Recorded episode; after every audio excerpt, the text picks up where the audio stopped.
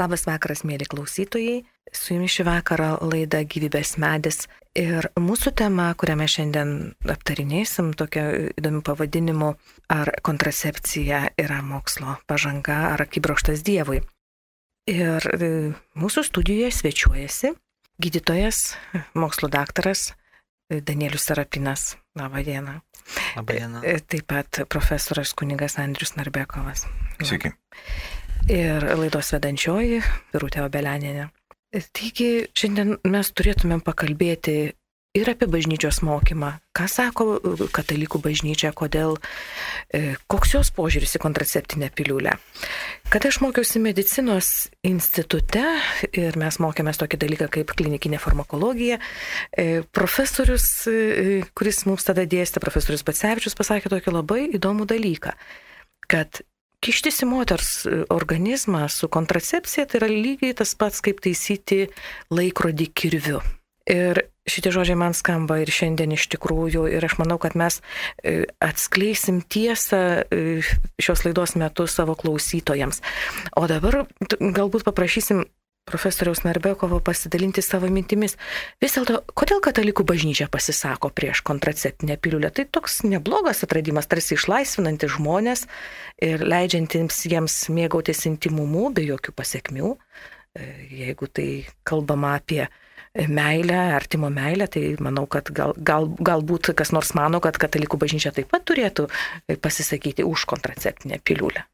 Taigi su ta piliulė buvo irgi, kaip jūs čia minėjot pradžioje, įdomių dalykų ir e, iš tiesų tai buvo e, tam tikras reiškinys, į kurį reikėjo labai aiškaus e, atsakymo, nes e, prisiminkime, kad tai buvo 70-metis ir e, pasirodo labai svarbi ir šiuo klausimu labai aiškiai išsakiusi poziciją enciklika, tai e, Pauliaus VI enciklika Humane Vite.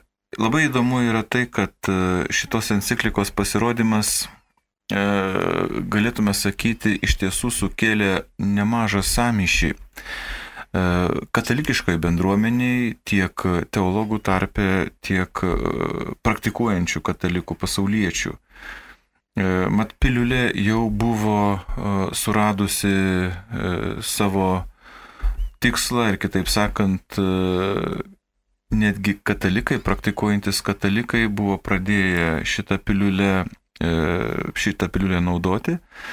Ir buvo galvojama, kad šita piliulė bus kaip ta, kuri prailgins nevaisingą laikotarpį ir kitaip sakant, jinai nieko blogo negalinti padaryti. Ir iš tikrųjų tas bažnyčios mokymo paskelbimas kontracepcijos klausimų e, netgi buvo galima išgirsti tokių nuomonių, jog tai galėjo būti tai, kad ta piliulė vos nesuskaldė bažnyčios. Toks labai griežtas pasakymas, nes tas nuomonių priešingų nuomonių atsiradimas buvo stulbinantis. O popiežius rašydamas šitą encikliką ir ją paskelbdamas, rengdamas tą encikliką, jisai sudarė e, didžiulę darbo grupę, e, į kurią į kurio sudėti įėjo labai įvairių sričių specialistai - ir medikai, ir teologai, ir filosofai, ir pasauliečiai, ir nepasauliečiai. Buvo didžiulė grupė ir įdomu tai, kad E, šita grupė e, svarstydama klausimą, ar kontracepcija yra moralinis blogis, kuris yra toks pats iš savęs ir, ir jisai niekada nepateisinamas, nuomonės šito klausimu išsiskyrė pačioj darbo grupiai. Ir ta darbo grupė suskilo ir buvo didesnė tos grupės dalis ir mažesnė tos grupės dalis. Ir labai įdomu yra tai, ką manyčiau čia mūsų klausytojams irgi turėtų būti įdomu, kad uh, mažosios atskilusios grupės dalies nuomonė buvo, kad kontracepcija, būtent hormoninė kontracepcija, jinai yra e, blogis savyje, kitaip sakant, niekada nepateisinamas moralinė prasme dalykas. Didžioji darbo tos grupės, atskilusios grupės dalis sakė, jog kontracepcija negalėtų būti įvartinama kaip moralinis blogis pats iš savęs, bet jinai kai kuriomis aplinkybėmis neva galėtų būti naudojama, tarkim, kad ir santokoje tam tikrom aplinkybėm esant. Bet įdomiausia yra tai, kad popiežius vis dėlto pasirinko mažesnės grupės dalies nuomonę. Kas atrodo iš tikrųjų toks truputėlį keistas dalykas, nes mes esame įpratę, kad dauguma, kaip sako, tai turėtų būti ir ta nuomonė vyraujanti. Bet vėliau Janet Smith, kuri rašys apie būtent humanė vytę įtaką ir kas įvyko per tuos dešimt metų po jos paskelbimo, jinai įvardins popiežiaus pasirinkimą kaip pranašišką. Ir iš tikrųjų, kadangi tuo metu dar tų duomenų tokių labai aiškių, kad šita hormoninė kontracepcija veikia dar ir abortuojančiai, stigo. Taigi, kai paaiškėjo visos tos aplinkybės, tuomet buvo galima sakyti, kad popiežius vis tik tai remdamas mažumos poziciją ir skelbdamas ją oficialių bažnyčios mokymų, iš tiesų neklydo.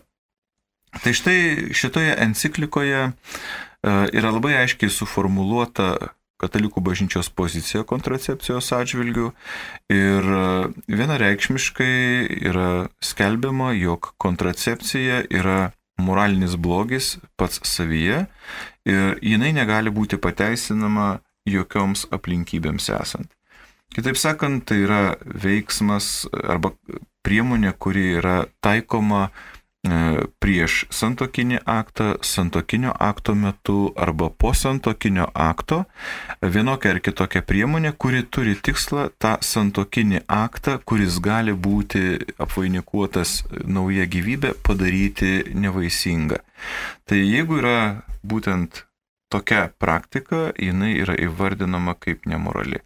Aš manau, kad e, bažnyčios mokymas šito klausimu remiasi fundamentalė tiesa apie žmogaus litiškumą, apie žmogaus asmenį ir e, tas bažnyčios požiūris į vaisingumą kaip asmens gėrį, o ne tik tai kokią nors fiziologinę funkciją, kad tai yra vienas iš esminių arba labai svarbių asmens gėrių ir tai nėra tik tais kažkoks tai medicininis arba, kaip jau minėjau, fiziologinis klausimas, bet vaisingumas jisai peržengia žmogaus ribas, jisai turi gerokai didesnę misiją, negu galima įsivaizduoti šio laikinio žmogaus mąstymė, jog tai yra tik tai tai, kas skirta pasimėgavimui, malonumui ir panašiems dalykams.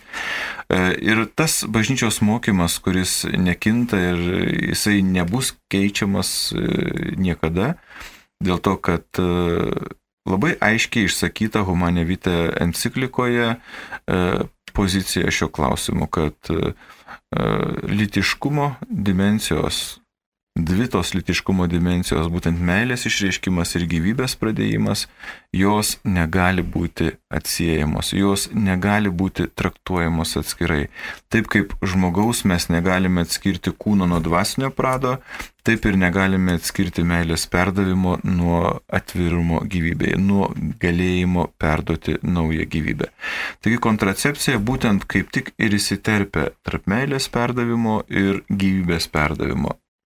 Na, mes ir žinom tą didžiulį sujudimą, kad čia buvo ta seksualinė revoliucija, buvo teigiama ir kaip šiandieną kai kurios e, nuomonės būna tokios, kad žmogus išsivadavo iš savo e, biologinio kūno priklausomybės, kad jisai e, yra dabar nepriklausomas ir, ir nebebijo, kad meilės perdavimas gali būti apvainikuotas nauja gyvybė, o kaip žinia, tas meilės perdavimas gali būti labai įvairiai, e, įvairiose situacijose ir ne visada tas gyvybės, e, naujos gyvybės atsiradimas yra pageidaujamas.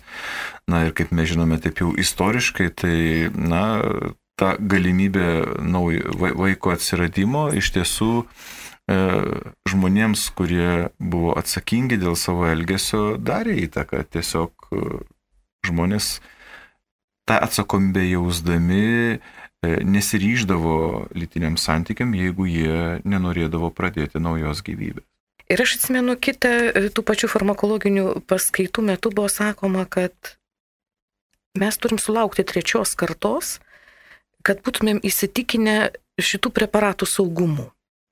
Taigi, gydytojo Danieliu, sakykit, prašau, ar yra kokiu nors dabar domenų? Tas trečios kartos mes dar turbūt neturim, ar ne? Jeigu mes kalbėtumėm apie uh, pavojų, kad gali gimti vaikai su įgimtom tam tikrom lygom. Iš tiesų, tai dar nepakankamas laikas, kad e, išauktų trečia žmonių karta. Ir dar tokių tolimų apibendrinimų apie jos poveikį žmogaus genomui, tokių kaip jau turim e, tam tikrus e, nerimą keliančius duomenys apie gyvūnus, dar negalime padaryti. Tačiau tie mitai, kurie buvo įsisenėję ir kurie rodė, kad hormo, bandė parodyti, kad hormoninė kontracepcija iš ties yra visiškai saugi ir yra kaip ir vos ne kaip vitaminai moters sveikatai. Paskutiniu metu atsiradus naujom technologijom ir molekuliniai biologijai pradeda įsisklaidyti, nes jau atsirado duomenų, kad net ir naujos kartos hormoniniai kontraceptikai kur yra ypatingai mažos dozės e, hormoninių kontraceptikų, tuo tikslu, kad turėtų kuo mažesnį šalutinį poveikį. Ir šie nauji kontraceptikai turi poveikį e, moters fiziologiniai sistemai ir ne pati geriausią poveikį. Nes jeigu pažvelgtumėm į patį hormoninės kontracepcijos veikimo mechanizmą, tai nėra tai, kad moteris vartoja hormoninės piliulės, piliulės ir jinai gali apsisaugoti nuo e, pastojimo. E, tos tabletės paveikia visus organus, nepriklausomai nuo to, ar pageidaujamas tas veikimas yra ar ne, nes kraujotokos metu jie yra išnešiojami po visą organizmą. Ir jautriausiai, aišku, iš šios hormonus sureaguoja tiek kraujotoko sistema, tiek e, lytinė sistema.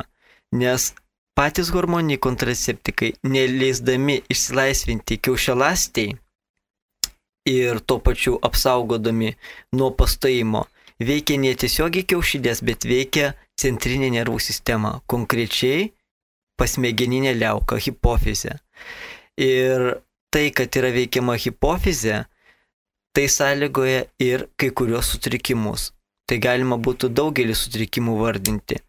Taip pat vienas iš mechanizmų kontracepcijos yra ir ankstyvas abortatyvinis, nes jau įrodyta, kad ne viso moterim yra užslapinamas kiaušinėlių išsilaisvinimas, daliai jisai įvyksta, tačiau hormoniniai kontraceptikai išplonina gimdos gleivinę iki labai plono sluoksnių, kuris būtų nepakankamas, kad embrionas užsimeskęs arba ankstyvų stadijų gyvybę, kad galėtų įsitvirtinti gimdoje ir jinai tiesiog yra paprasčiausiai pašalinama dėl nepakankamos gimdos vidinio sluoksnio arba gleivinės storio. Ar visi hormoniniai kontraceptikai, taip dabar vadinami modernus paskutinios kartos, ketvirtos kartos, turi šitą portatyvinį poveikį? Praktiškai visų hormoninių kontraceptikų veikimo mechanizmas yra tas pats, nepriklausomai nuo jų naujumo, nepriklausomai nuo to, ar tai trečios ar ketvirtos kartos. Tiesiog naujausios kartos kontraceptikai šiek tiek turi mažesnį dažnį pačių šalutinių poveikių, bet jų esmė, veikimo mechanizmas vis tiek išlieka tas pats. Bet aš manau, kad iškyla kitas klausimas, nes vis tiek e, kontraceptikų kuriejai jų E, pagrindinis tikslas yra, kad šita piliulė veiktų kontraceptiškai, kitaip sakant, kad neužsimėgstų nauja gyvybė. Ir čia atsiranda tam tikras paradoksas, jie mažina šitų hormonų dozes, siekdami išvengti pašalinių poveikių, bet tuo pačiu ir pasiekti jų pagrindinį tikslą, kad e, neužsimėgstų nauja gyvybė, yra sunkiau išlaikyti. Ir manau, kad tam tikrą prasme e, galimi nepatikimumo rezultatai, tarkim, perlo indekso padidėjimas, nes mažinant hormonų dozes šita piliulė gali nebesuveikti kontraceptiškai ir, ir tuomet galimas dalykas, kad galima tikėtis to, kad padaugės abortų vien dėl to, kad moteris vartodama kontracepciją paprasčiausiai dažniau pastos. Ar būtų galima taip galvoti?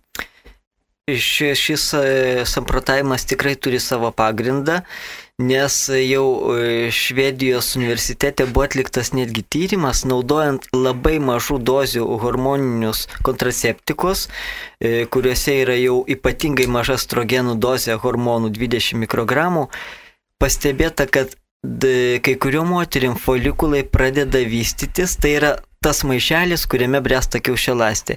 Ir jie kartais nepasiekia ovulacijos momento, kad išsilaisvintų, tačiau jie vystosi ir didėja. Ir būna, kad pasiekia ne 2 cm dydį, o tuo metu, kai neįvyksta ovulacija ir jie negali rezorbuotis arba ištirpti ir moterim atsiranda cistos ir pastebėta yra. Ir aišku, jeigu jau bando vykti kiaušialasčių brendimas, tai tikimybė tikrai didesnė, kad vartojant naujausios kartos kontraceptikus moteris yra didesnė tikimybė neplanuotai pastoti.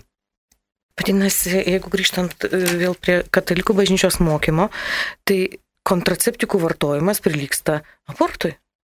Buvo vienas iš tokių mitų ir dabar dar pakankamai gajus, kad e, ir, ir doriems katalikams kartais yra sunku atsirinkti dėl to, kad yra motivuojama, jog e, tai yra mažesnis blogis negu abortas, taip ir buvo teigiama. Na ir žmonės, kurie e, stengiasi nedaryti apskritai moralinio blogio, jie supranta, kad ir tas mažesnis blogis yra vis dėlto blogis, bet kaip ten bebūtų, e, būkim objektyvus, tą turim pripažinti, kad užkirtimas kelio naujos gyvybės atsiradimui yra viena moralinė problema ir tuo tarpu jau užsimesgusios e, žmogaus gyvybės sunaikinimas yra kita problema, kad čia jas padėjus ant svarstyklių labai aiškiai nu, nusvertų būtent blogis abortą. Bet e, reikia pabrėžti tai, kad e, būtent šita piliulė jinai veikia ir abortuojančiai. Taigi pasakyti, kad jinai neturi šito poveikio, būtų tam tikra prasme klaidinimas žmogaus ir ta moralinė prasme, nes moteris gali galvoti, kad jinai tikrai nenužudo arba neprisideda prie to, kad žūtų naujai užsimesgusi gyvybė, manydama, jog jinai tik tai užkerta kelią jos atsiradimui. Tai tokiais atvejais iš tikrųjų jinai, jeigu kalbėtumėm apie nuodėmės, apie nuodėmės dydį, tai nuodėmė būtų kaip ir tokia pati? Matot, jeigu mes kalbam apie kontracepciją kaip moralinį blogį, patį blogį iš savęs, jinai yra sunki nuodėmė. Abortas taip pat yra sunki nuodėmė. E, tai, kaip sakoma, jeigu čia būtų toks kaip ir palyginimas to sunkumo, tai sakykime, koks čia būtų skirtumas, jeigu žmogus gauna bausmę, sakykime, kalėjimo šimtą metų ar trišimtus metų. tai tam tikrą prasme tai vis tiek yra sunki nuodėmė, kuri žmogui vienareikšmiškai sako, kad tai yra padarytas e, sunki moralinė nuodėmė. Ta prasme, bet e, vėlgi sakau, kadangi žmonės masto, jog e, tai būtų mažesnis blogis ir kartais tam kontekste tas mažesnio blogio principas nuskamba tarsi kaip ir leistinas, kaip ir bažnyčios pritartinas, tačiau reikia labai tai aiškiai pabrėžti, kad mažesnio blogio principas jisai yra vertintinas vis tiek nepalankiai dėl to, kad žmogus samoningai renkasi blogį, moralinį blogį, tegul ir mažesnį negu abortas, bet šiuo atveju mes tiesiog net negalim atskirti to moralinio blogio, nes šita piliulė konkrečiai jinai veikia ir abortuojančiai. Taigi manau, kad nereikėtų žmonėm balansuoti, kas čia būtų mažiau ar daugiau blogio, bet vis tik tai tai yra prilyginama būtent abortui. Ir, ir dar daugiau, nes mm, mes kalbam šiandien apie hormoninę piliulę, bet, pavyzdžiui, tokia e, spiralė, kuri yra impregnuota hormonais, e, yra irgi bandoma teikti, kad tai yra kontraceptinė priemonė, kai tuo tarpu spiralės veikimo mechanizmas yra labai aiškiai žinomas, kad tai yra abortuojantis poveikis. Taigi, moteris, kuri mano, kad jinai išvengs to didesnio blogio ir nereikės nutraukti neštumo, daryti aborto, jinai renkasi priemonę tokią, kuri, na, jeigu jauni žmonės ir, ir, ir jų yra aktyvus litinis gyvenimas, tai jie labai dažnai praranda savo vaiką. Iš tikrųjų, juk mes žinom, kad litiškumas, žmogaus litiškumas yra skirtas bendrystė ir meilė išreikšti. Ir žmogaus litiškumo dvi dimensijos meilės išreiškimas ir prokreacija yra nedalomi. Vadinasi, naudojant kontracepciją, daloma. Ir tokiais atvejais neišvengiamai atbulinė tvarka sutoktiniai, kurie naudoja kontracepciją, turėtų būti pakenkiama jų bendrystėje, tai yra tos būtent meilės bendruomenės kūrimui. Čia vienareikšmiškai ir aš manau, kad jeigu mes žiūrime į žmogų kaip nedalomą kūno ir dvasinės sielos vienovę ir ką reiškia ats, atskirti dvasinį pradą nuo, nuo kūno, tai reiškia žmogui mirti. O čia mes žiūrime į situaciją, kada meilės perdavimas, kuris yra susijęs su mūsų dvasinė dimensija, yra atsiejamas nuo kūniškos dimensijos, būtent nuo gyvybės perdavimo. Ir tam tikrą prasme čia yra žmogus nemiršta, bet jis yra suskilęs savyje, kitaip sakant, yra tokia šizofreniška situacija, kaip suskilęs protas šizofrenijos atveju. Tai čia yra žmogus suskilęs, jo meilė eina savo keliu, kūnas eina savo keliu. Tai kad tai nepadeda tai bendrystėj, čia yra vienareikšmiškai ir Neveltui popiežius Jonas Paulius II e, įvardino hormoninę kontracepciją, na ir kitą kontracepciją, kaip santokinį melą. Tiesiog sutoktiniai, e, kurie turėtų save besąlygiškai dovanoti vienas kitam, jie to negali padaryti, nes nėra dovanojama ta galimybė, nėra dovanojamas tas vaisingumas, kitaip sakant, galimybė tapti tėvo ar motina. Ir tas santokinis aktas pats iš esmės jis tampa kitokiu. Tai nebėra pilnutinis meilės išreiškimas, tai yra būtent santokinio melo išraiška. Taigi, mėly klausytojai, šiandien mes su jumis atsisveikinam. Su jumis buvo Birutė Obeleninė, profesorius Andrius Narbekovas ir gydytojas genetikos mokslo daktaras Danielius Tarapinas. Taigi, sudė. Sudė. Brangus Marijos radio klausytojai, kviečiame pasiklausyti gydytojo psichiatro profesoriaus Gintauto Vaitoškos kalbos apie lyčių bendravimą ir kontracepciją. Įrašas iš šeimų susitikimo. Pratesint Eriksono mintį apie tai, kad jeigu žmonės blokuoja vaikus, jie tampa sentimentalūs, mes gyvename laiku, kuris yra jausmo kulto laikas, reiškia, sentimentalių laikų.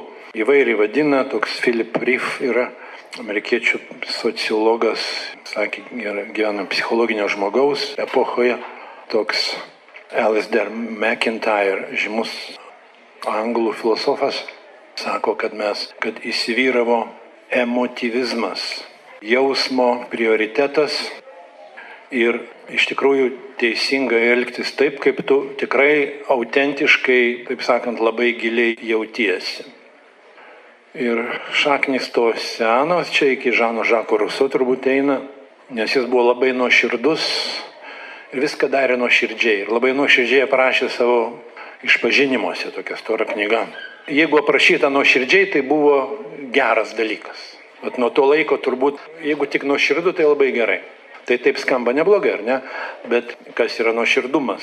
Ar nuoširdumas yra tikrai širdies gilusis balsas, ar ne? Tai tarkim, Žan-Žaks Ruso ten rašė apie įvairiausius dalykus savo gyvenime, nu, iki to, kad jisai nuoširdžiai norėjo parodyti savo kūną merginoms. Ir Ženevos parke praktikavo šitokį, reiškia, elgesį ir paskui pagavo jį ten Hebra ir vienas gerai apkūlė ir kalėjimo buvome ten porai dienų, jis išėjo ir, ir kažkaip nu nustojo.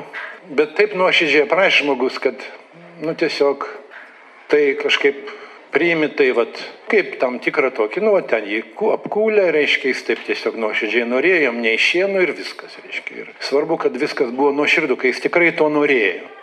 Paskui ten su viena ponė tokia buvo įsimylėjęs ir ten jie kartu tada verkdavo, nes jis ją buvo įsimylėjęs, verkė iš karštai iš meilės, o jinai verkė iš meilės, kai jai patinka Žanas Žakas Ruso, bet jinai yra įsimylėjęs kitą vyriškį.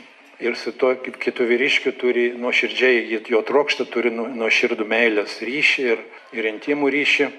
Ir žinoma, tas vyriškis nėra jos vyras. Bet viskas yra taip nuoširdžiai daroma, ir taip nuoširdžiai Žan-Žakas verkė ir abu verkė ten kalbėdami apie tai, kad viskas tai nu žiauriai gerai iš tikrųjų. Tai čia nuo to laiko ir paskui tas sudėtinga gal evoliucija būtų, čia eitų tada ir per, anglų poetas Shelley ir, ir Engelsas ir Freudas labai turėjo reikšmės, bet Paskui, jeigu žiūrėt tokį labiausiai jau poveikį mūsų visuomeniai, vakarų ir dabar ir pas mus, nes mes amerikietiškus laikus gyvenam čia kaip jau, tai, nu, Karlo Rodžerso psichologija, talentingas buvo psichoterapeutas, Karlo Rodžersas, vadinama humanistinė psichologija, jo visa terapijos tokia ašis buvo tai, kad tu turi pakankamai giliai pajausti, kaip tu jautiesi, autentiškai jausti. Jeigu tu jautiesi autentiškai, tai tada viskas gerai. Darai, ką tu tikrai autentiškai giliai nori daryti. Ir čia tokia vat įsivyravo pažiūra ir, ir psichoterapijoje, ir dabar daugelis vis dėlto, kas dirba psichoterapijoje, tai vyraujant nuomonė tai yra, kad va, jeigu autentiškai žmogus jaučiasi taip, tai, tai yra gerai. Dabar, tarkim, autentiškai giliai jaučiasi daug vaikinų merginomis. Ir jau Lietuvoje dabar žmonės pradeda taip jaustis ir ten dviejų metrų vaikinas nuoširdžiai ima jaustis, kad jis yra mergina ir ten pasiskaito, susirišta su užsienio šalim, gauna hormonų ten ir panašiai. Ir kadangi labai plačiai ta pažiūrė paplitus socialinius tinkluose ir jis labai nuoširdžiai jaučiasi. Ir tada specialistas sako, tai ok, reiškia. Tave jausmas tavo veda gilus ir tai yra tiesa. Tai skamba labai tikinamai, nes tai yra jausmas gilus, ar ne? Ir gali galvoti, kad gal trūksta proto čia tam dalykė, bet racionalumas toks, nu, nebaisiai gerbiamas dalykas, protas sausa, čia kažkaip draudimai iš karto, autoritarizmas, panašiai. Ir tai yra vyraujanti tokia vis dėlto dabar turbūt pasaulyje žiūra. Netgi mūsų konstitucinis teismas apie šeimą, čia kad buvo ginčas 12 kuriais ten metais pasakė, kad šeima tai yra grupė, kuri jaučia vieni kitiems jausmus. Reiškia. Tai sunku su tuo kažkaip dabar ir sunku parodyti tam jaunuoliui, tarkime, kuris galvoja, kad jis pakeitęs lytį, reiškia faktiškai išsikastravęs, taip paprastai kalbant, išsikastravęs, kad jis bus greičiausiai nelaimingas. Švedų tyrimas 384 ištyrė, 12 metais atrado, kad po 10 metų praėjus po lyties keitimo operacijos šitų vyrų tarpe savižudybių skaičius yra 19 kartų didesnis negu populiacija. Čia yra 12 metų tyrimas, tyrė 30 metų tos vyrus. Tai žodžiu, tada jau protas įsijungia, kai kas nori grįžti, bet vat, mes gyvename jausmo kulto laikais, emotivizmas, kaip LSD McIntyre sako, ir kad moralinis sprendimas suvedamas, suredukuojama iki tavo emocinių preferencijų. Reiškia, moralu yra tai, ko tu nuoširdžiai tikrai nori. Ir čia yra vat, vis tiek problemų. Tam jaunuoliui, kuris išsikastruoja, dažniausiai po to nebūna jam gerai. Tai nupjauna krūtis. Tai, žinot, neveikia tie visi organai tada sukonstruoti vyrišką organą labai sunku sukonstruoti. Yra ir moterų, kurios grįžta, yra Anglijoje merginų, kurios padavė ten kokią nors tavisto kliniką, nes ten 16 metų jai ten išoperavo, žodžiu, drastiškas sužalojimas, nupjovė krūtis, ten išėmė gimdą, ten panašiai, kad būtų vyras. Ir paskui žmogus atsibunda, sulaukia 20 metų, sakysime, sako, ką jūs man padarėt, kodėl jūs man nesakėt, kad aš neapsidžiaugsiu tuo praėjus laiko kiekiu, nes šitas noras keisti lytį, tai mes čia neturim laiko apie ką kalbėti, bet kas tai yra? Tai yra savęs neprieimimas kaip žmogaus. Ir kaip vienas tyrimas Tomi rodo, 75 procentai jaunuolių, kurie nori keisti lytį, jau turi kitą psichologinio kentėjimo diagnozę. Ne taip, kad ten kažką kenčia, mes visi kažkaip psichologiškai ten netobuli, bet jau diagnozę turi. Ir dabar paplito mada socialinės medijose, kad Jeigu tau blogai, pakeisk lytį, bus gerai. Ir tada yra norinčių grįžti, bet aišku, žmogaus gyvenimas žalotas. Bet viskas, vat, už to yra ta antropologija tokia, sentimentali antropologija. Kaip sakant, homo sapiens nebėra tokia, yra homo sentimentalis dabar mes gyvenam laikais. Ir vakarų kultūrai senokai, nuo 60 metų, tai jau masiniai kultūroje, nuo Karlo Rodžerso laikų yra Antano Paškaus knyga apie krikščionis terapinėje kultūroje.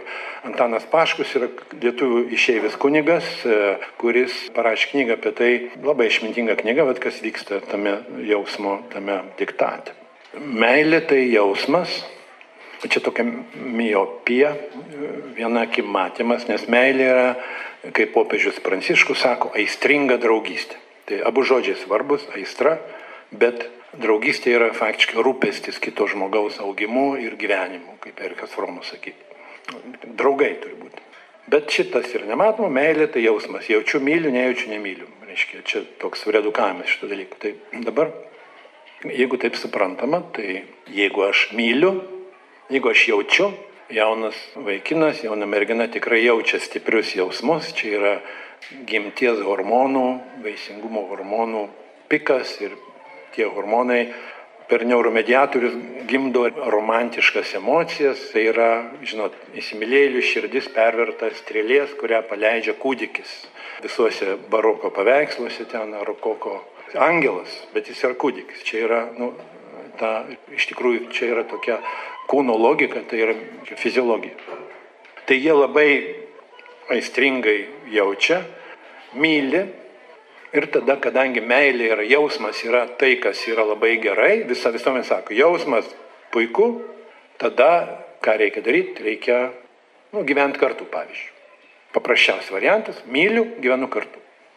Jie taip negalėtų gyventi, jeigu nenaudotų kontracepcijos.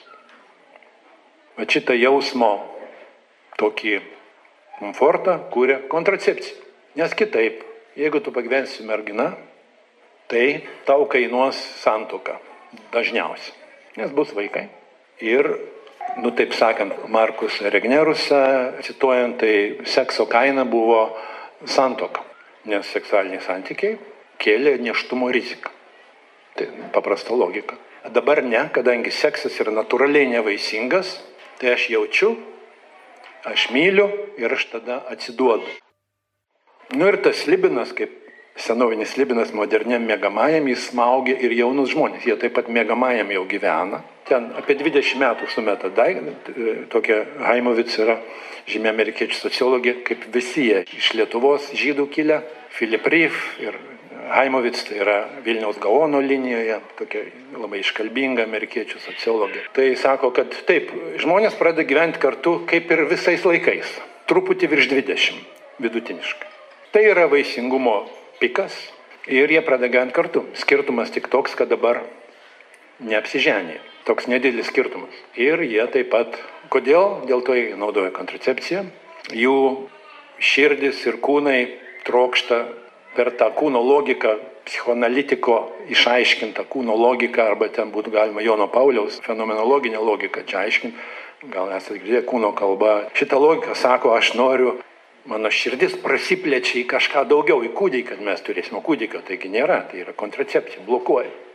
Tai tada prasideda labai daug komplikacijų tarpusavio santykiuose, dėl to tokio neišpildyto troškimo, žinoma, mergaitė dažniausiai trokšta ištekėti, o vyras galvoja, "Nu, ką čia dabar, ten man 23, tai ašgi čia dar vos iš darželio išėjau, 23 šiais laikais neamžius, yra 43 jau ten gal galima tuoktis, o 23 tai, tai reiškia, tai čia labai jau anksti. Yra kalbama apie ketvirčio amžiaus krizę. Kejas Haimovis, čia nebe pusamžio, bet ketvirčio. Tai yra vaikinai, kurie gyvena, žiūri kompiuterį, ten dažnai žiūri pornografiją, su merginomis miega, gerai valgo, geria ir jie, Haimovis rašė, gyvena paršelių danguje. Ir jie visai neturi jokios motivacijos iš dangaus išeiti. Tai baisiai patogus gyvenimas. Amerikoje tai yra didžiulė rinkos, netgi niša, kur yra toks žurnalas Maksimas, kuris tą rinką atakuoja, daug pinigų.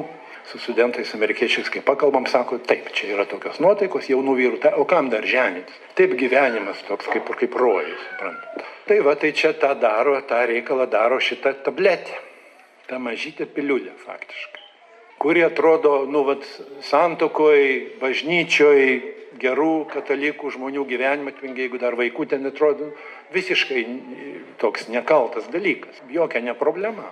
Tada mes nebegalime sakyti jaunam žmogui, kad tu nemiegoksi tą mergaitę arba dukrai, kad tu nemiegoksi to vyriškiu, nes gims vaikai, jeigu mes patys naudojam kontracepciją.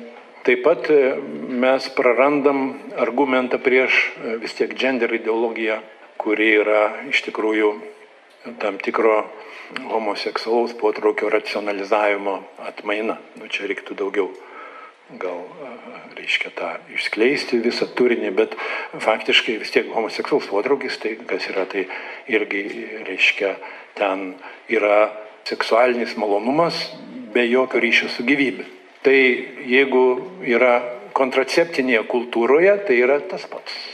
Seksas yra natūraliai nevaisingas.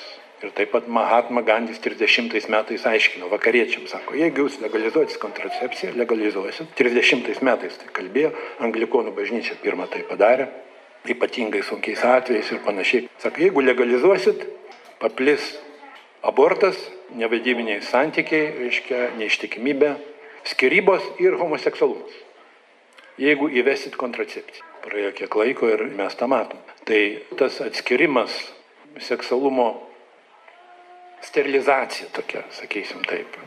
Kad tai yra gimties galios užmiršimas, kad tai yra gimties galia.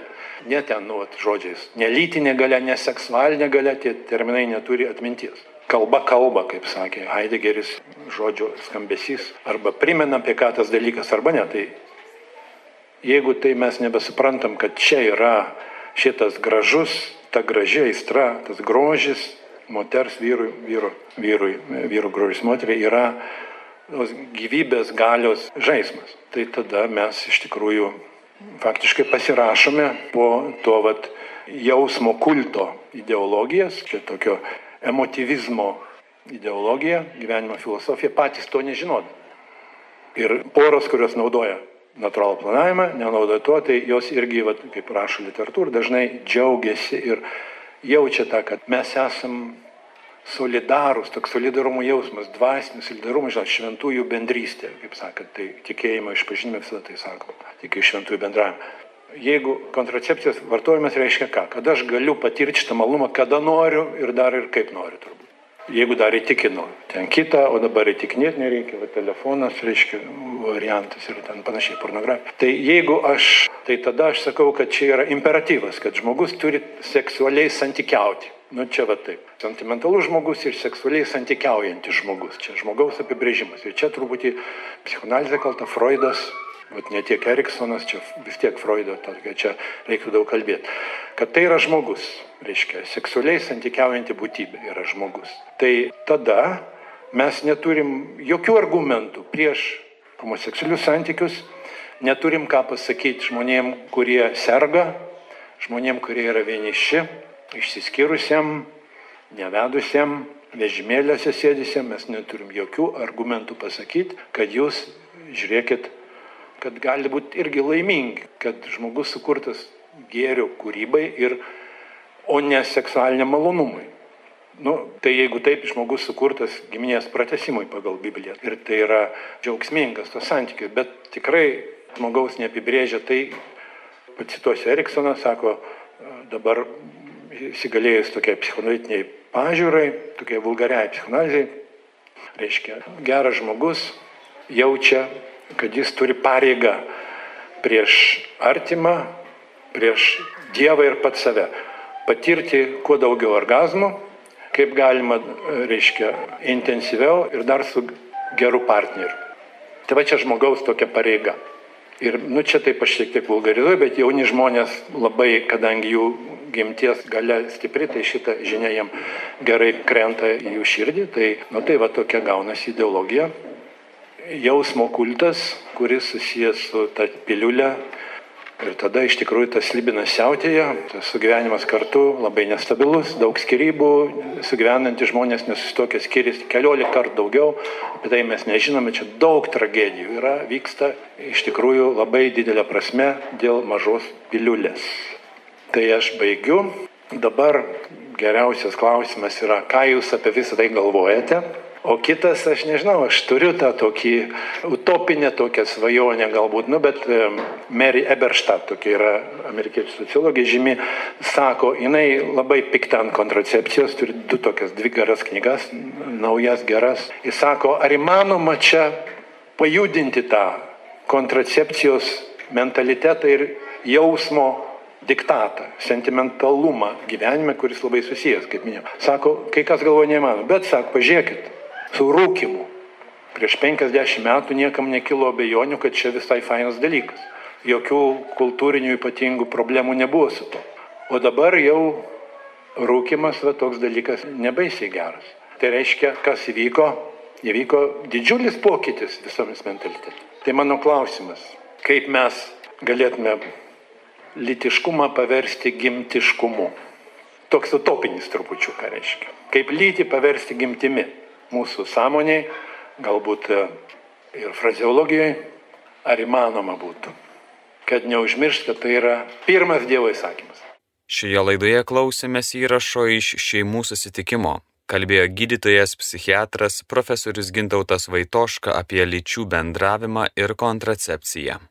Likite su Marijos radiju.